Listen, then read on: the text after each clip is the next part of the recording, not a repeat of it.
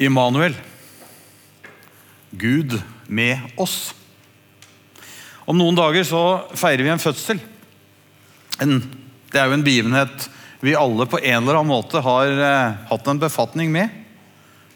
Vi er født, og noen av oss har vært så heldige å bivåne en fødsel, og noen har født.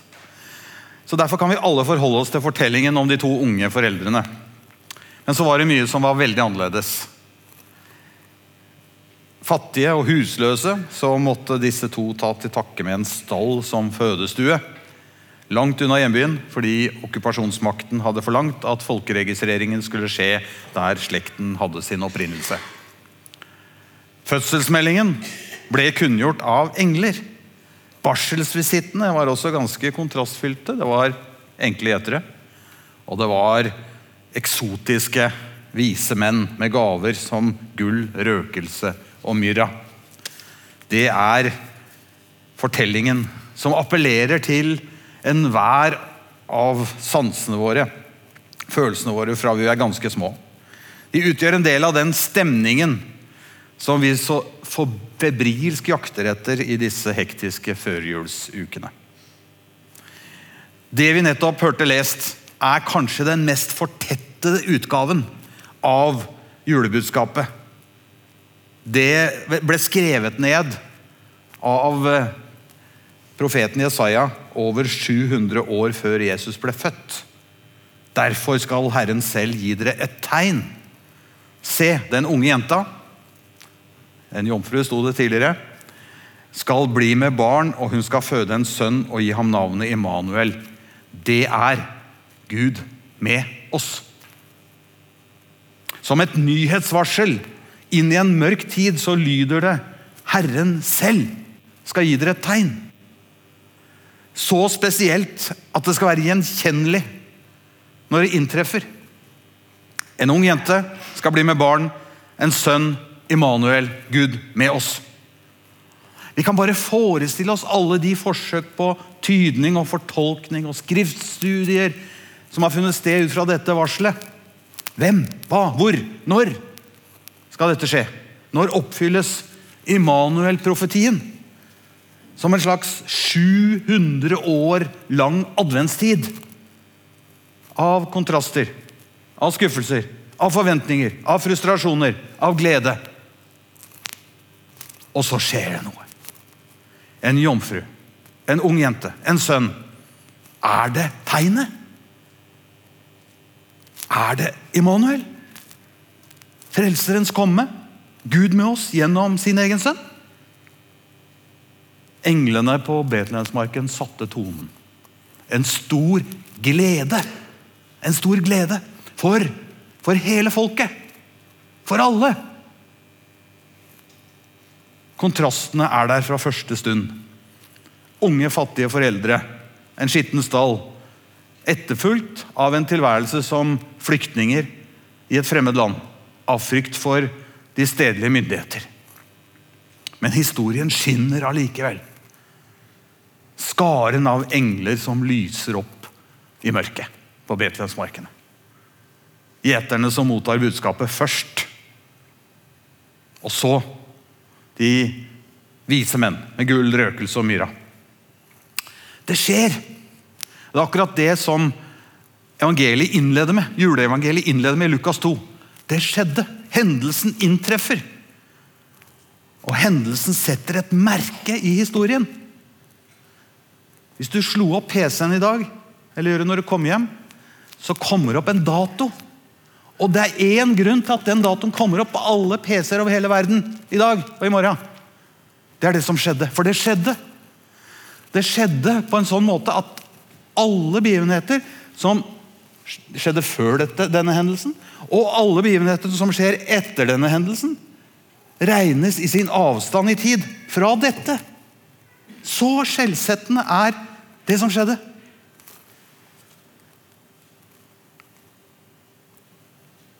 Det er et vannskille i historien. Og det gjør at det er et før og et etter Frelserens komme. Immanuel som betyr Gud med oss. Det er voldsomt. Det er voldsomt. Han som var, og som er, og som kommer. Javé, jeg er. Han er med oss! Fatter vi det? Tredje søndag i advent i dag. Og vi gjør oss klart til å feire denne skjellsettende hendelsen. Immanuel-dagen, får vi kalle det i dag. da. Vår egen førjulstid har også sine kontraster, som denne dagen hadde. Her nord er det mørketid. Før Førjulstida preges jo av høy aktivitet for å jage mørket på dør. Vi tenner lys overalt, ute og inne. Vi jakter på julestemningen. Og smaker og lukter og toner og farger sanger som hører jula til. Men fremfor alt på lys. Lys i mørket. Med levende lys, flimrende lysreklamer, lysskinn i alle farger og fasonger. Men ingenting av dette endrer på realiteten. Nemlig at Mørketiden når sitt aller mørkeste akkurat nå. I dagene som ligger foran oss. Og Vi går inn i den siste adventsuka. Og Sånn er det i verden rundt oss. Vi lever som vi har blitt minnet om flere ganger i denne gudstjenesten, vi lever i en tid med mye mørke. Det er krig, det er terror, det er naturkatastrofer, det er død og elendighet. Og det oppleves overveldende, det kan jeg si. Jeg tror mange deler den opplevelsen, selv om de ikke jobber med dette hver dag som jeg gjør. Verden brenner. Krigen mellom Hamas og Israel har krevd sine ofre. Flere tusen av dem er barn. De har ikke gjort noe annet feil enn at de er født på feil sted til feil tid. De er ikke skyld i konflikten, de er bare født der. I Ukraina fortsetter krigen med uforminsket styrke. En hel befolkning er traumatisert. I Sudan er nær seks millioner mennesker drevet på flukt av en intern krig som hver dag bringer død og lidelse til en hardt prøvet befolkning. Det er flom i Somalia, det, er, det ryddes i ruinene etter en serie jordskjelv i Afghanistan. Og vi roper ut vår fortvilelse over alle uskyldige ofre for vold, terror, forfølgelse og katastrofe. Kanskje roper vi også vårt Kyrie. Kyrie eleison, Herre, Forbarm deg over oss og denne verden, i denne tiden, denne kloden. Forbarm deg over oss, menneskehet, all den ondskap vi mennesker er i stand til å utøve. Vi klynger oss til håpet, håp om fred, men kjenner oss som maktesløse. Fins det lys i mørket? Kan vi på noen måte bringe håp inn i håpløsheten? Og så er det som dette ropet i oss møter et rop fra Kristus selv. Immanuel. Han som ropte ut på korset, 'Min Gud, min Gud, hvorfor har du forlatt meg?' Han som møtte Saulus, som senere ble Paulus, terroristen Saulus på vei til Damaskus, med ordene 'Saul, Saul, hvorfor forfølger du meg?' Han er den samme som stiller seg sammen med alle uskyldige ofre fordi han selv var et uskyldig offer. Han står der og roper på deres vegne. Hvorfor forfølger du meg? Hvorfor har du forlatt meg? Det er den samme Immanuel som på den siste dag skal si det du gjorde for en av disse mine minste søsken, det gjorde du for meg. Ser du sammenhengen? Den som vil vite hva det er å elske sin neste, se til Kristus, Immanuel. Den som vil vite hva ekte solidaritet er, se til Kristus, Immanuel. Den som vil lære hva det vil si å elske ikke bare sin neste, men sine fiender, se til Kristus, Immanuel. Kristus Immanuel. Gud med oss identifiserer seg nemlig 100% med de, de uskyldige ofre. De maktesløse, de undertrykte, de fattige. Og han kaller oss som hans disipler, hans etterfølgere, til å gjøre det samme. Der det er mennesker i nød, der er Immanuel. Det er gudsnavnet som forsikrer de maktesløse om hans nærvær. Gud med oss. Derfor er ikke Immanuel en oppskrift for de mektige. Som de kan bruke til å legitimere sin vold og sine overgrep.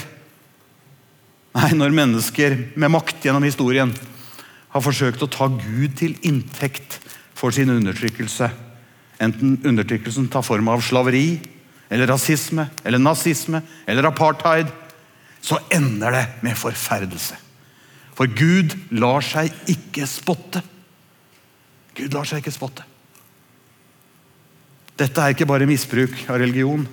Det er uttrykk for en himmelropen forakt for Gud og for mennesker han har skapt, og som han elsker med en uendelig kjærlighet, uansett hvem de er, og hvor de er. Min tjeneste de siste fem årene har som det har vært nevnt, vært å lede Kirkens Nødhjelp. Altså På vegne av kirkene i Norge så står vi midt i mange av disse krisene. Som jeg nevnte her. Midler vi har samlet inn i Norge, og som dere har vært med å samle inn her i Oslo misjonskirke.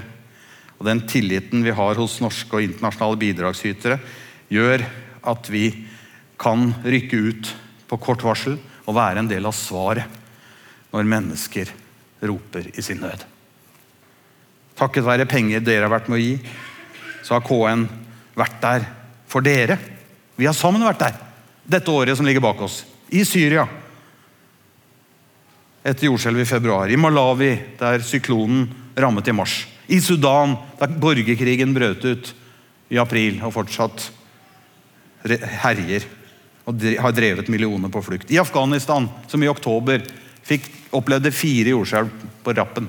Samtidig som krigen brøt ut med det forferdelige eh, angrepet fra Hamas på Israel og den etterfølgende krigen som fortsatt pågår. Vi eh, styres av et 3000 år gammelt kall i Kirkens Nødhjelp. Det er formulert i, av, av kong Salomo, og det lyder sånn Nekt ikke den trengende din hjelp hvis det står i din makt å gi den. Nekt ikke den trengende din hjelp når det står i din makt å gi den. Ordspråkene 3.27. Med et sånt kall så er det ikke et alternativ å se en annen vei. Så sant vi har tilgang, så sant vi har ressursene, så sant vi har folka, så sant vi har partnerne, så er det vårt oppdrag å arbeide for å lindre nød, arbeide for fred. Utfordre de maktstrukturene som holder en verden nede i fattigdom. Og bringe håp og lys inn der det er mørke. Vi drives av den fantastiske, men utfordrende tanke at alle mennesker er skapt og elsket av Gud. Uansett. Det er en utrolig sterk ledestjerne, men det er også en veldig sterk utfordrer. Og et veldig sterkt korrektiv til alt vi måtte tenke om andre mennesker. Kampen for menneskelig og menneskeverd blir derfor en kamp for rettferdighet og fred. Og nå, folkens, nå er det vår vakt. Nå er det vår tid. Men dette handler ikke bare om den store verden der ute. Gud med oss handler også om den verden som jeg er en del av her. Lille meg. Deg og meg. Vår verden i våre egne personlige liv er heller ikke uten kontraster. Vonde ting rammer gode mennesker. Livet er ikke rettferdig. Det talte Jesus realistisk om når han snakket med vennene sine om dette. I verden har dere trengsler. Jeg kan betro dere at det har vært tider i mitt liv hvor jeg nesten bokstavelig talt har stått på kanten av stupet og sagt Gud, jeg vet at du er der, men jeg vet ikke hvor. Inn i en slik virkelighet, inn i din og min virkelighet, så sender Gud et tegn. Jeg er her. Immanuel er født. Gud med oss er tegnet. Og som vi sang her, midt i nattens mørke blinker som et fyrlys Jesu navn. Navnet. Det er det vi løfter opp når vi feirer denne barnefødselen, som er tegnet. Tegnet. Et barn, tegnet, et navn. Immanuel, Gud med oss. Og Det er det tegnet som rammer inn fortellingen om Jesus, Gud med oss. Det ble skrevet 700 år før. Det var det tegnet som eh, gjeterne og vismennene så, og som vi har fått se. Og det siste Jesus sier før han tar til himmelen, det er 'Jeg er med dere'. Alle dager. Gud med oss. Jeg med dere. Alle dager. Vi er aldri, aldri forlatt. La det synke inn. Hørt det før. Nå hører du det igjen. Det er sant. Kan erfare det på nytt. I ditt liv, der du er nå. Ikke der du var da du hørte det første gangen, men der du er nå, kan du ta det inn og erfare. Jeg er ikke forlatt. Løpet er ikke kjørt. Det er ikke over. Immanuel er kommet, og han er med meg. Gud er med oss. Han er med all slags folk. Han er overalt, ikke bare der det ytre sett går godt. Han er ikke bare der i medgangstider, han er ikke bare i det opphøyde og den prektige Guds himmel. Til alle tider kan mennesker erfare Immanuel-tegnet bli virkelig. Bibelen taler om at Gud har to adresser. I det høye og hellige. Det vet alle barna. Der er Gud. I det høye og hellige bor jeg. Og den andre adressen er hos den som er knust og nedbøyd i ånden. Jesaja 57, 15. I det høye og hellige og hos den som er knust og nedbøyd i ånden. Det er Guds to adresser. Rockestjernen Bono har sagt det slik. Gud er i slummen, i de fattiges hus av pappesker. Gud er i tausheten til en mor som har smittet sitt barn med et virus som vil ta livet av dem begge. Gud er i skrikene som trenger gjennom krigslarmen. Gud er i vrakgodset etter ødelagte liv og tapte muligheter. Og Gud er med oss når vi er med dem. Sitat slutt. En av mine favorittfortellinger i Bibelen er om en gjeng kamerater. Tre stykker. Shadrach, Meshach og Abednego. Kan lese om dem i Daniels bok. Det er den delen av Daniels bok som er kanskje lettest tilgjengelig. Så er mye der som ikke er så lett tilgjengelig, men som vi ofte hopper over som bibellesere. I hvert fall jeg. Men denne her leser jeg igjen og igjen. For de hadde virkelig en Immanuel-opplevelse. De levde i en kultur preget av helt andre verdier enn det de selv sto for. Men de våget å gå mot strømmen. Kongen hadde forlangt at de skulle bryte med sin tro. De skulle dyrke en statue, en helt annen gud enn deres egen. Alle måtte følge denne tidens trend. Hvis ikke så ble man straffet. Og det var ikke en hvilken som helst straff. Straffen var å bli kastet i en ovn med flammende ild. Men disse karene lot seg ikke bøye. De bøyde ikke av, de forble tro mot sin Gud. Og hans ord og kongens trusler ble da virkelighet. De ble faktisk bakbundet og kastet i en glødende ovn. Og vi kan jo kanskje tenke oss situasjoner hvor vi også møter denne type trusler. Kanskje ikke trusler om å bli kastet i en glødende ovn, det hører vi sjelden om her. på disse kanter. Men situasjoner som kan bringe vanlige folk til desperasjon. Det kan true liv, det kan være problemer med jobb, familie, sykdom, økonomi. Vi kan oppleve oss så presset at vi blir handlingslammet og opplever at vi er alene og forlatt. Og kanskje har du som jeg ropt til Gud midt i det som du opplevde som svarte natta. Hvor er du? Gi meg det minste et tegn på at du ser meg, og at du er her, og at du bryr deg. Og Disse tre karene fikk altså et sånt Immanuel-tegn i ovnen. Kongen merka det. Han spottet en til i den glødende ovnen. Det var jo bare tre som ble kastet inn. Men han, han, sier, han, spør ministrene sine. Det hender jo at de også har noe fornuftig å si. Men han sier, 'Var det ikke tre menn vi bandt og kastet ned i ilden?' 'Jo visst, konge', svarer ministrene. Og så sier han, 'Men jeg ser fire menn gå fritt omkring i ilden, og det fins ikke skade på dem.' Og den fjerde ser ut som en gudesønn. Wow, For en observasjon. Og så gikk kong Nebukadnesar selv bort og ropte ned i ovnen. Shadrak, Meshak og Abenego, dere tjenere for Gud den høyeste. Kom ut! Og de kom ut av ilden. Og så kan du se for, seg, for deg den scenen som da utspant seg når de kom ut. Alle kongens ministre og rådgivere stimlet sammen og konstaterte det ubegripelige. Flammene hadde ikke skadet dem. Håret på hodet deres var ikke svidd. Kappene var ikke skadet.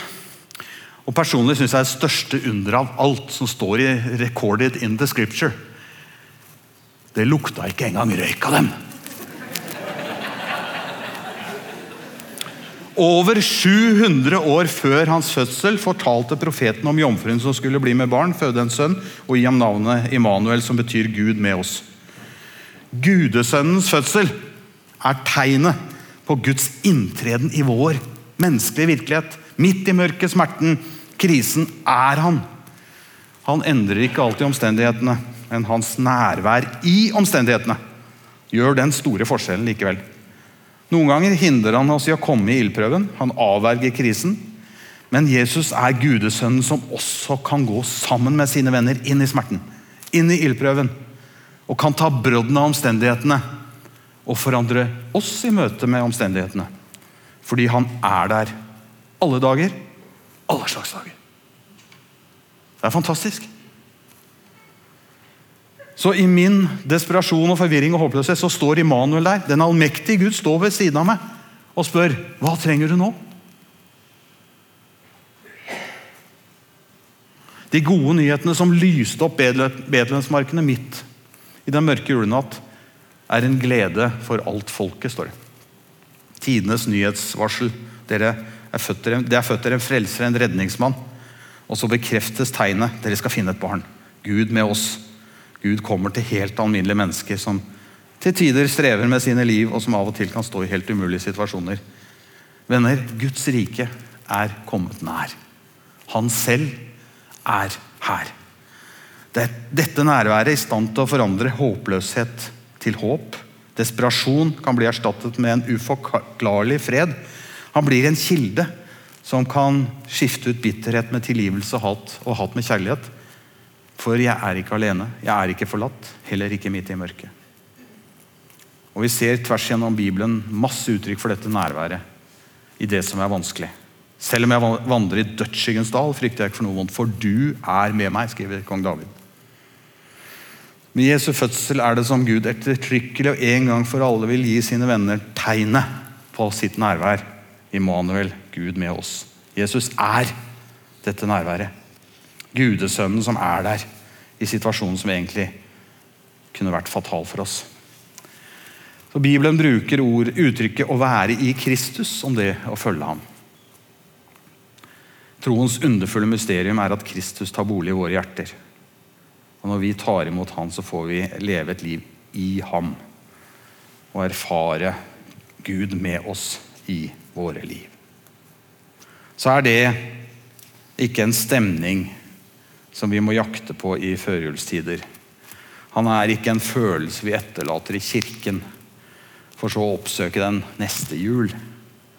Han er med hver dag når du ber han om det. Han er et nærvær i våre liv under alle omstendigheter. Så kan vi ikke bli enige om denne julen at vi åpner døren for Immanuel, Gud med oss, og ser hva som skjer mens vi forbereder oss på å gå inn i julefeiringen. Så la oss se etter tegnet.